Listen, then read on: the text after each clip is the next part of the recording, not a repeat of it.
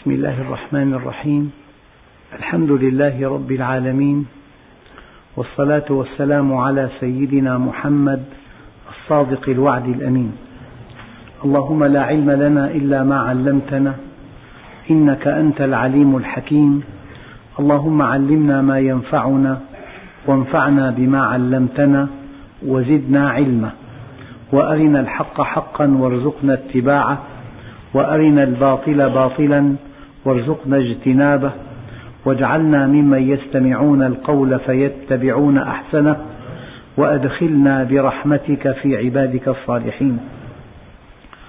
أيها الإخوة المؤمنون مع الدرس الأربعين من دروس سورة النساء ومع الآية السادسة والثمانين وهي قوله تعالى وإذا حييتم بتحية فحيوا بأحسن منها أو ردوها إن الله كان على كل شيء حسيبا.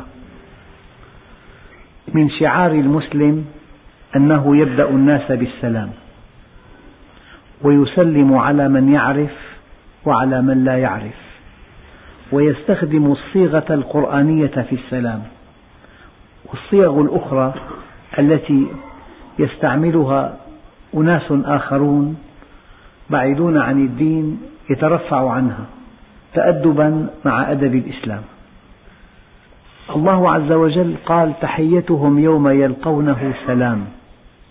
والحقيقة كلمة السلام تعني السلامة والسلامة مطلقة تعني سلامة الدين وتعني سلامة الصحة وتعني سلامة العرض.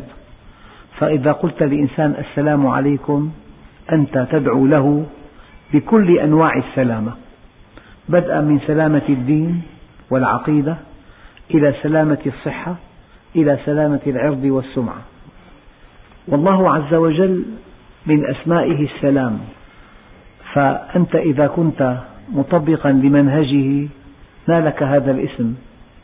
فقد تحيا حياة طيبة كما قال الله عز وجل من عمل صالحا من ذكر أو أنثى وهو مؤمن فلنحيينه حياة طيبة. تحيا حياة طيبة وإذا انقلبت إلى الآخرة فلك جنة عرضها السماوات والأرض. والجنة أساسا هي دار السلام. أنت في الدنيا في سلام فإذا انتقلت إلى الرفيق الأعلى كنت في دار السلام. والتعامل مع الله كله سلام بسلام. والله يدعو إلى دار السلام. والسلام كما قلت كلمة تحتمل كل المعاني التي يمكن أن تندرج تحتها. والحقيقة حكمة أن تأتي آيات السلام ضمن آيات الحرب هناك حكمة بالغة. ذلك أن الذي تحاربه هو إنسان. فإذا سلم عليك أي طلب منك أن تعامله بالإحسان. فلا ينبغي أن تقتله. فأي إنسان يسلم على مسلم في الحرب ينبغي أن يكف عن قتاله فلعله يسلم على يديه. وقد غضب النبي أشد الغضب حينما قتل أحد الصحابة مشركا وقد تلفظ بالشهادة. قال قالها تقية يا رسول الله. قال أشققت على قلبه؟ فحكمة أن تأتي آيات السلام ضمن آيات الحرب أنه إنما تحارب لا من أجل أن تبيد الطرف الآخر ولا من أجل أن تزهق روحه إنما تحاربه من أجل أن تأخذ بيده إلى الله. وأساس الجهاد أنه لا يقبل الجهاد قبل أن يمر بالمراحل التالية. لا بد بادئ ذي بدء من أن تعرض عليه الإسلام واضحا جليا بينا مدعما بالأدلة. لذلك قال بعض العلماء من عرض الإسلام عرضا سطحيا عرضا غير متين عرضا هزيلا عرضا غير متماسك. ثم إنه لم يستخدم الأسلوب الصحيح التربوي أو العلمي. استخدم أسلوبا آخر مبني على الخرافة والخدع مبني على المنامات والكرامات. ثم إن هذا المدعو إذا لم يجد في الداعي مصداقية في سلوكه لا يعد هذا المدعو مبلغا عند الله ويقع إثم تفلته من منهج الله على من دعاه بهذه الطريقة. إذا السلام يعني أن تعرض على الناس الإسلام أولا. فإن قبلوه فهم منا ونحن منهم. أي مشرك أو كافر إذا عرضت عليه الإسلام فقبله أصبح جزءا منك له ما لك وعليه ما عليك. أما إذا رفضه تدعوه إلى دفع الجزية وهذا حل وسط. لأن في الإسلام جهاد وغير المسلم لا يكلف بالجهاد لأن الجهاد في الإسلام جهاد عقائدي لا جهاد نفعي.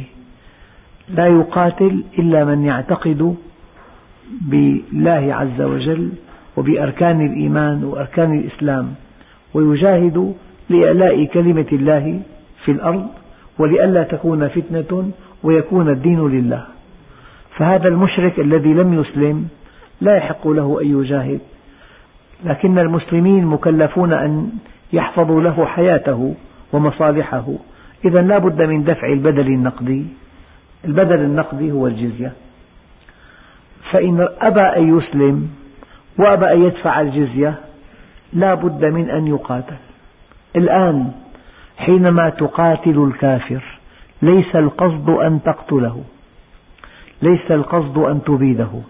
ليس في الإسلام حرب إبادة. الإسلام دين إنساني وكلمة إنساني رائعة جدا. قد تجد بعض الدول في العالم الغربي تعتني بشعوبها عناية تفوق حد الخيال. أما مع الشعوب الأخرى يذبحونهم يقتلونهم ينهبون ثرواتهم يشيعون الفوضى في حياتهم يقهرونهم ليستغلوا ثرواتهم. هؤلاء ينبغي ألا تحترمهم لأنهم ليسوا إنسانيين. لذلك ورد في حديث شريف لا يؤمن أحدكم حتى يحب لأخيه ما يحب لنفسه. من أخوه؟ اختلف العلماء. بعضهم قال أخوه النسبي بعضهم قال أخوه الإيماني. لكن الأصح أخوه في الإنسانية. لا يمكن أن تكون مقبولا عند الله إلا إذا عاملت كل البشر كما تحب أن يعاملوك. لأن الإنسان على ثغرة من ثغر هذا الدين فلا يؤتين من قبله. متى تقاتل؟ حينما يرفض الإسلام وقد عرضته عرضا صحيحا دقيقا متماسكا عميقا مدعما بالأدلة والشواهد. وعرضته بأسلوب علمي وتربوي وكنت صادقا في عرضك لأنك مطبق لما تقول الآن هذا المدعو يعد مبلغا عند الله. إن أبى على كل هذه الميزات ينبغي أن تأمره بدفع الجزية. فإن رفضت تقاتله فإن قاتلته ليس القصد أن تبيده ولا أن تمحقه. القصد أن تأخذ بيده إلى الله عز وجل. فينبغي أن يقع أسيرا قبل أن تقتله. إذا وقع أسيرا فرسته لأحد بيوتات المؤمنين تعلم الإسلام العملي.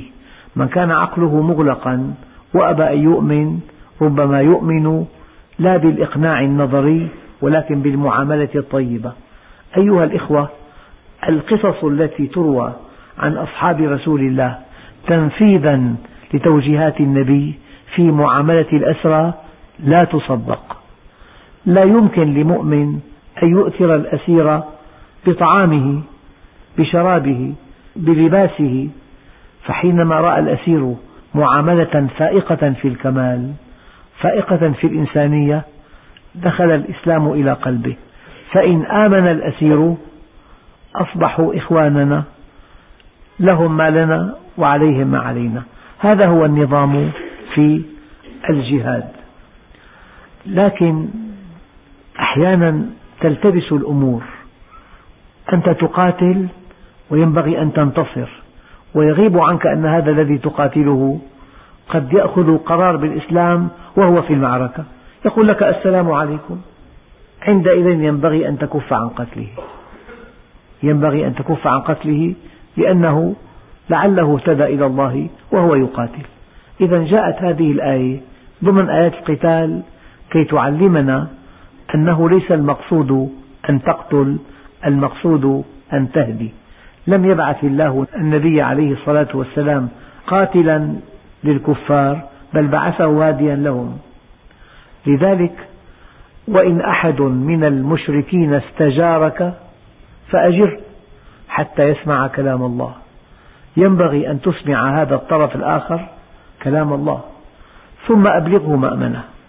أيها الإخوة في السنة الشريفة وردت أحاديث كثيرة عن وجوب إفشاء السلام. فقد قال عليه الصلاة والسلام فيما رواه الشيخان أمرنا رسول الله صلى الله عليه وسلم بسبع منها إفشاء السلام. يقول عليه الصلاة والسلام لا تدخلوا الجنة حتى تؤمنوا ولا تؤمنوا حتى تحابوا. ألا أدلكم على شيء إذا فعلتموه تحاببتم؟ أفشوا السلام بينكم. رواه الإمام مسلم. عود نفسك أن تسلم مع كل إنسان. بل إن بعض الصحابة الكرام يسلم على أخيه ويمشي معه. فتعترض طريقهما.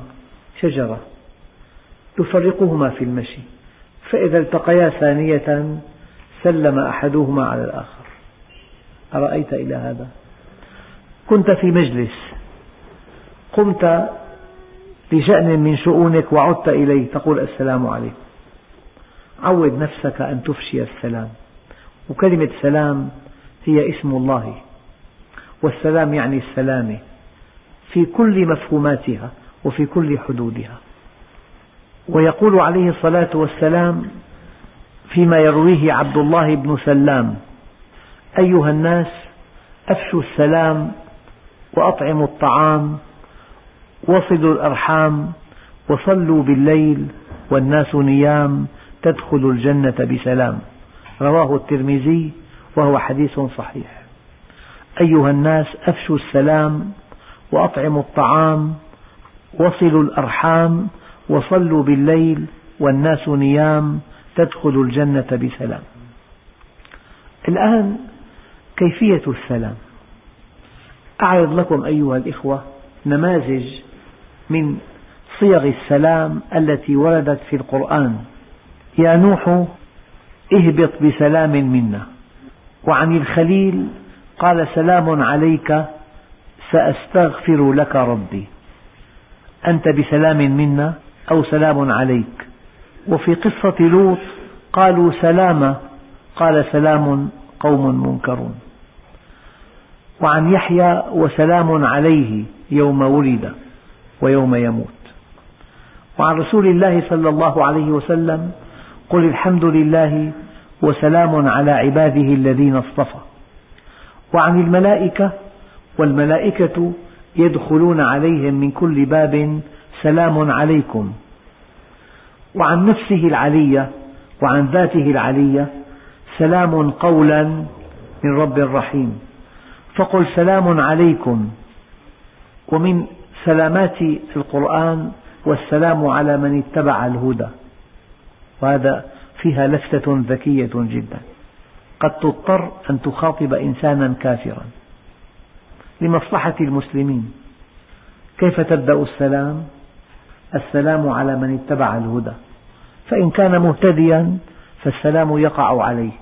وإن كان غير مهتد لا يعنيه السلام. وعن عيسى عليه السلام والسلام علي يوم ولدت ويوم أموت ويوم أبعث حيا إذا لك أن تقول سلام عليكم أو السلام عليكم ورحمة الله وبركاته. الآية الكريمة وإذا حييتم بتحية فحيوا بأحسن منها. قال طرح السلام مندوب لكن رد السلام واجب. يرقى إلى مستوى الواجب. ومن لم يرد السلام يقع في إثم كبير. طرح السلام مندوب. تطرحه أو لا تطرحه؟ أما رد السلام فهو واجب. روى الإمام أحمد وأبو داود والترمذي والدارمي عن عمران بن الحصين رضي الله عنه قال جاء رجل إلى النبي صلى الله عليه وسلم فقال السلام عليكم. فرد عليه ثم جلس. فقال النبي عليه الصلاة والسلام عشر. ثم جاء آخر فقال السلام عليكم ورحمة الله. فرد عليه الصلاة والسلام السلام فجلس فقال النبي عشرون. ثم جاء آخر فقال السلام عليكم ورحمة الله وبركاته. ثلاثة. فرد عليه فجلس فقال النبي الكريم ثلاثون. ثلاثين حسنة. قال الترمذي حديث حسن. في رواية أبي داود جاء رجل فقال السلام عليكم ورحمة الله وبركاته ومغفرته. قال النبي أربعون. لأن الله عز وجل يقول وإذا حييتم بتحية فحيوا بأحسن منها أو ردوها. يعني إذا حياك إنسان غير مسلم أو ردوها. إذا حياك إنسان مسلم وعليكم السلام ورحمة الله وبركاته ومغفرته. قال عليه الصلاة والسلام في حديث آخر من قال السلام عليكم كتبت له عشر حسنات ومن قال السلام عليكم ورحمة الله كتبت له عشرون حسنة ومن قال السلام عليكم ورحمة الله وبركاته كتبت له ثلاثون حسنة. في رواية أخرى يروي ابن حبان في صحيحه عن أبي هريرة رضي الله عنه أن رجلا مر على رسول الله صلى الله عليه وسلم وهو في مجلس فقال سلام عليكم فقال عشر حسنات. ثم مر آخر فقال سلام عليكم ورحمة الله فقال عشرون حسنة. ثم مر آخر فقال سلام عليكم ورحمة الله وبركاته فقال ثلاثون. فقام رجل من المجلس ولم يسلم. مشي. بالمناسبة إذا كنت في مجلس علم لا ينبغي أن تسلم. كل ما دخل الإنسان السلام عليكم. يرد عليه معظم الحاضر وعليكم السلام ورحمة الله وبركاته. التغى الدرس. ففي مجلس العلم ادخل واجلس. هذا له حكم خاص. نعم. هذا قام ولم يسلم. فقال النبي عليه الصلاة والسلام ما أوشك ما نسي صاحبكم. إذا جاء أحدكم إلى المجلس فليسلم. فإن بدا له أن يجلس فليجلس وإن قام فليسلم. عليك أن تسلم إذا حضرت وأن تسلم إذا غادرت. لكن مجلس لا مجلس علم. يعني دخلت لبيت. في ضيوف في لقاء في وليمة. السلام عليكم. غادرت؟ السلام عليكم. قال عليه الصلاة والسلام فليست الأولى بأحق من الآخرة. يعني إذا غادرت ينبغي أن تسلم. لكن في بعض التوجيهات أنك إذا دخلت سلم وصافح الناس واحدا واحدا. أما إذا غادرت لك أن تسلم دون أن تصافح. وقد قال عليه الصلاة والسلام أبخل الناس من بخل بالسلام. بخيل جدا. تركب في المصعد معه بتأمل فيك بجوراك بس. قل له السلام عليكم. تلتقيان في مدخل بيت. هي من علامات قيام الساعة. أنك لا تسلم إلا على من تعرف. لا تسلم إلا على من تعرف. أما الذي لا تعرفه لا تسلم عليه. أبخل الناس من بخل بالسلام. وفي حديث آخر إن المؤمن إذا لقي المؤمن فسلم عليه وأخذ بيده صافحوا. تناثرت خطاياهما كما تتناثر أوراق الشجر. وفي حديث آخر إذا التقى الرجلان المسلمان فسلم أحدهما على صاحبه فإن أحبهما إلى الله أحسنهما بشرا لصاحبه. سلمت عليه بحرارة وابتسمت. أقرب الرجلين إلى الله من كان سلامه أشد حرارة وبشرا وطلاقة. فإذا تصافحا نزلت عليهما مئة رحمة. للبادئ منهما تسعون وللمصافح عشرة. وقال عليه الصلاة والسلام إن أولى الناس بالله من بدأهم بالسلام. الذي يبدأ بالسلام هو الأقرب إلى الله عز وجل. الآن بعض أحكام السلام. يجزئ عن الجماعة إذا مروا أن يسلم أحدهم. خمسة ماشيين بالطريق. واحد جالس.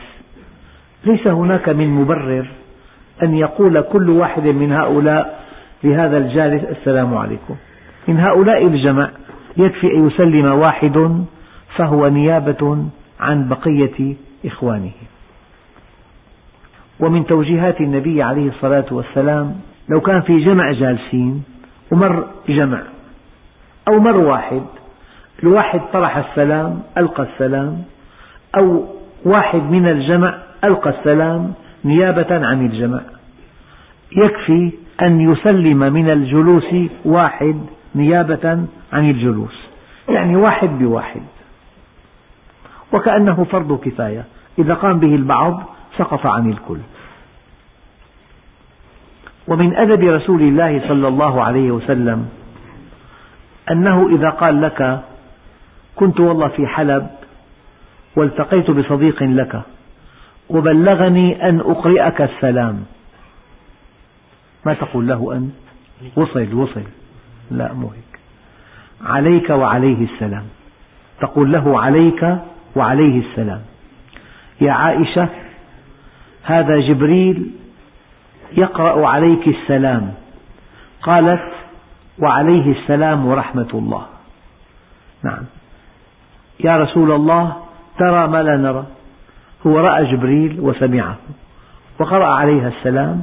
قالت وعليه السلام ورحمة الله.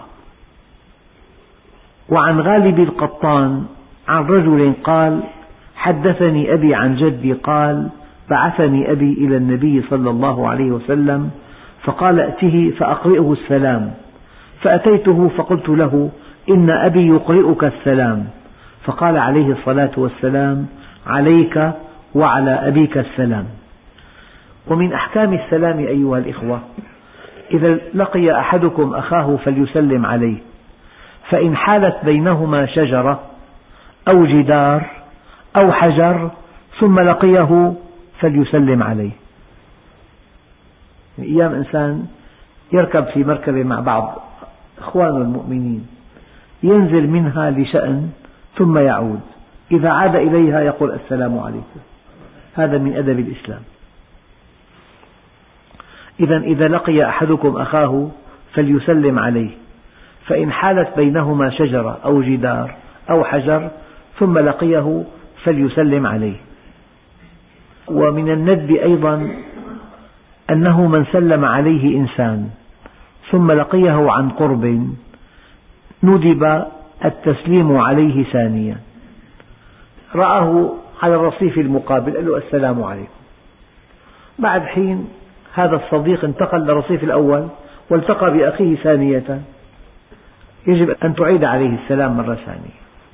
ومن توجيهات النبي عليه الصلاة والسلام يسلم الراكب على الماشي والماشي على القاعد والقليل على الكثير من أدب السلام في الجماعات الدينية. وروى الشيخان أيضا أنه أتى رسول الله صلى الله عليه وسلم على غلمان أو مر على صبيان فسلم عليهم وكان عليه الصلاة والسلام يفعل هذا دائما ومرة أتى على غلمان يلعبون فسلم عليهم وكان يقول السلام عليكم يا صبيان ومن توجيهات النبي عليه الصلاة والسلام إذا سلم عليكم أهل الكتاب فقولوا وعليكم. يقول لك السلام عليكم. أراد شيئا آخر قل له وعليكم كما قال. وعن أسامة بن زيد رضي الله عنهما أن النبي صلى الله عليه وسلم مر على مجلس فيه أخلاط من المسلمين والمشركين عبدة الأوثان واليهود. يعني بيكون بسوق. في تجمع حول حاجة. دخلت أنت للتجمع قلت السلام عليكم. لا يعنيك أن يكون كلهم مسلمون أو نصفهم أو أكثرهم. مر النبي عليه الصلاة والسلام على مجلس فيه أخلاط من المسلمين والمشركين عبدة الأوثان واليهود فسلم عليهم النبي صلى الله عليه وسلم.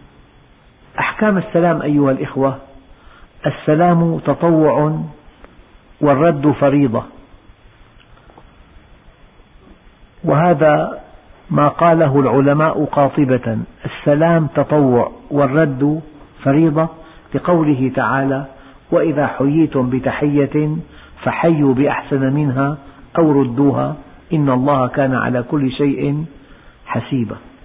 كلمة حسيبة إن لم ترد السلام يحاسبك. وإن بدئت بالسلام وأنت في المعركة وقتلته تحاسب. معنى هذا أنه استسلم لك وانصاع لدينك. فلا ينبغي أن تجعل الهدف هو القتل. ينبغي أن تجعل الهدف هو الهداية. نعم. أيها الإخوة الكرام يعني في أناس يتوهمون أنهم راقون يقول لك باي. كل السلامات التي يستخدمها الطرف الآخر ينبغي أنت ألا تستخدمها. كلمات كثيرة سعيدة مرحبا باي هاي هي كلها سلامات نحن ينبغي أن نبتعد عنها. نسلم بسلام رسول الله نسلم باسم الله السلام نطرح السلام بود. على من نعرف وعلى من نعرف. والحمد لله رب العالمين. بسم الله الرحمن الرحيم. الحمد لله رب العالمين. والصلاة والسلام على سيدنا محمد الصادق الوعد الأمين. اللهم أعطنا ولا تحرمنا أكرمنا ولا تهنا آثرنا ولا تؤثر علينا أرضنا وارض عنا. وصلى الله على سيدنا محمد النبي الأمي وعلى آله وصحبه وسلم والحمد لله رب العالمين الفاتحة.